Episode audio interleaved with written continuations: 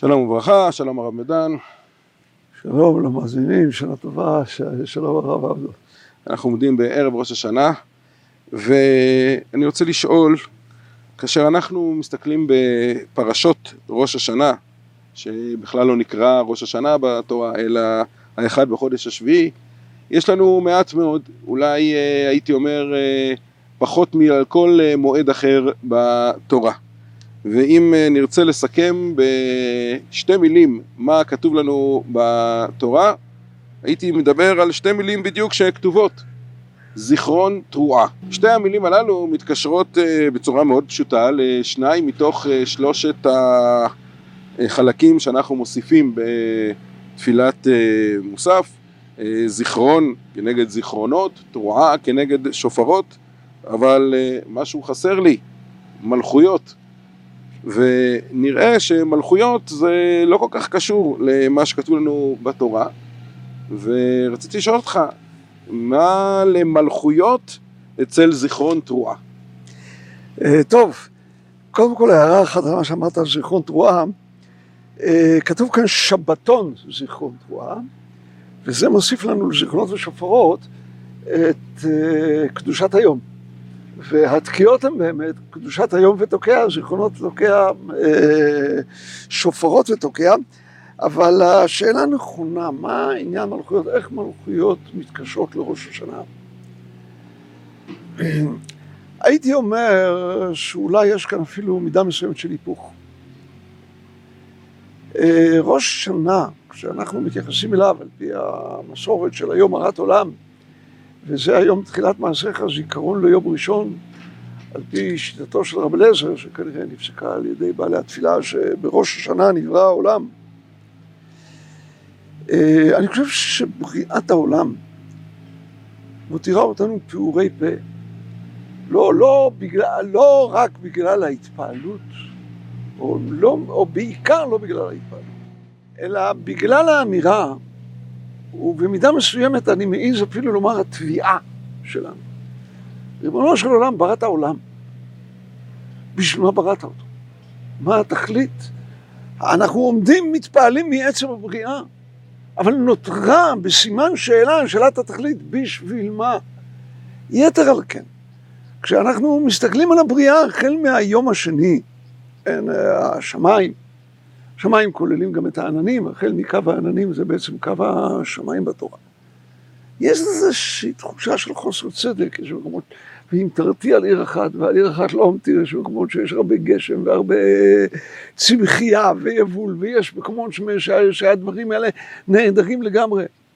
כשאנחנו מדברים אחר כך על היבשה, ואנחנו רואים אירועים שנראים כאיזשהו חוסר צדק ואלימות, הת, התפרצות הרי געש, רעידות אדמה. אחר כך כשאנחנו מגיעים לבעלי החיים, אנחנו מתחילים מעוף השמיים, מן הדגים, ותעשה אדם כדגי הים כרמס לא מושל בו, בואו ניקח את הלוויתן או כל מיני חיות כאלה גדולות שבולעים 300 דגים לארוחת בוקר ו-300 דגים לארוחת צהריים ועוד 200 דגים לארוחת הערב. וחוסר הצדק כל כך בולט אחר כך בחיות.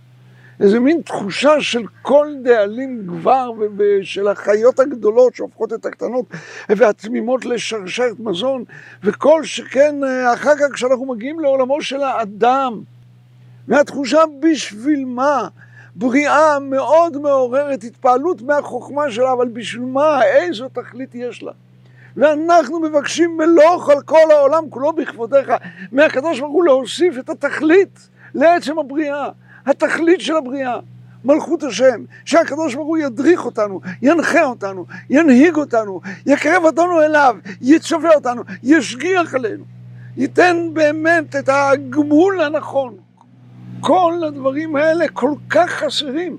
בעולם אם אנחנו רק מתייחסים לעובדה שהוא נברא ומעמיקים בחוכמת הטבע בשאלה איך הוא נברא ומה קרה ולא מתייחסים לתכלית. המדע מתייחס כל הזמן לשאלה מה קרה ולא למען מה, בשביל מה, בשביל התכלית. באה לנו ברכת מלכויות כחלק מיום שמציין את בריאת העולם ואומרת ריבונו של עולם בראת אותנו אז מלוך על כל העולם כולו בכבודיך וינשא כל הארץ בעיקריך בשביל זה בסופו של דבר, עד שתגיע התכלית הסופית הזאת, מי יודע מתי. נועד עם ישראל, שדרכו, כשהקדוש ברוך הוא מולך עליו, הוא מביע את המגמה, לאן הוא רוצה שהעולם יגיע. אבל גם הדבר הזה, בעוונותינו, לדאבוננו, לא תמיד בא לידי ביטוי. היה צריך לבוא לידי ביטוי במלכותו של הקדוש ברוך הוא על עם ישראל, בהשגחתו התמידית עליהם, בעובדה שהם מתנהגים באמת כנתיניו של הקדוש ברוך הוא כעושה רצונו. אבל הבקשה שכל הדבר הזה, שהתכלית תבוא לידי ביטוי ותשתלב עם עצם מעשה הבריאה, נדמה לי שזאת ברכת מלכות. יפה, אה, אני חושב שבפשוטו של מקרא, אם נחזור, אה, הסיבה שמלכויות לא נזכר, מפני, מפני שבפשוטו של מקרא גם זה לא משמעותו של היום. האם אה, תסכים איתי שהנקודה המרכזית בפשוטו של מקרא זה היותו של היום ראש החודש השביעי, ראש החודש הקדוש, היום השביעי הוא קדוש, השנה השביעית היא קדושה, גם החודש השביעי הוא קדוש, ומודגש בחודש השביעי באחד לחודש. חז"ל אה, נתנו ל, ליום הזה גם את המשמעות של אה, ראש השנה, אה, כי העולם באמת נברא, לכאורה מתחיל מצורת הבריאה, מתחילה מן המעגל הטבעי החקלאי שמתחיל בתשרי ונגמר בתשרי, ומרגע שהמוקד של היום הופך להיות ראש השנה, אז באמת אפשר הרבה יותר לדבר על הרעיון של מלכות השם. בפשט הפסוקים יותר קשה לי לראות את ההופעה של מלכויות. כן, אתה צודק, רק תרשה לי להוסיף לחז"ל, עם כל חשיבותם הגדולה כשלעצמה, את מה שאומר לנו גם הנביא יחזקאל בדברי תורה, עשירים במקום אחד, ועניים במקום אחד ועשירים במקום אחר. ב-25 שנה לגלותנו, בראש השנה בעשור לחודש, ב-14 שנה אחרי שהוכתה העיר, יש קשר גדול בין הפרק הזה לבין הופעת הכהן הגדול ביום הכיפורים בבית המקדש. ניתן לראות את זה שם. כך שניתן לטעון שבראש השנה בעשור לחודש, ראש השנה הוא חודש ראש השנה, והוא תשרי בעשור לחודש. שם זה כמובן יום הכיפורים. כל שנה, בתחילת חודש ראש השנה, העובדה שזה חודש ראש השנה מחזיר אותנו. מרום עיניכם וראו מי ברא אלה, הקדוש ברוך הוא ברא, אבל השאלה ברא, אבל לאיזו תכלית? ריבונו של עולם, מלוך על כל העולם כולו בכבודך. מסכים עם התכלית, למרות שעם הראייה ארבח ארבע צריך. בראש השנה בעשור לחודש, בפשטות הכוונה לי' בניסן, כמו כל תאריכי ספר יחזקאל שהם נספרים לניסן.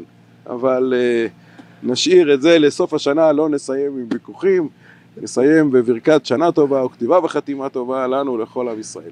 שנה טובה, כתיבה וחתימה טובה, ויכתוב ויכתוב איתכם הקדוש ברוך הוא לאלתר בספרם של צדיקים גמורים. אמן.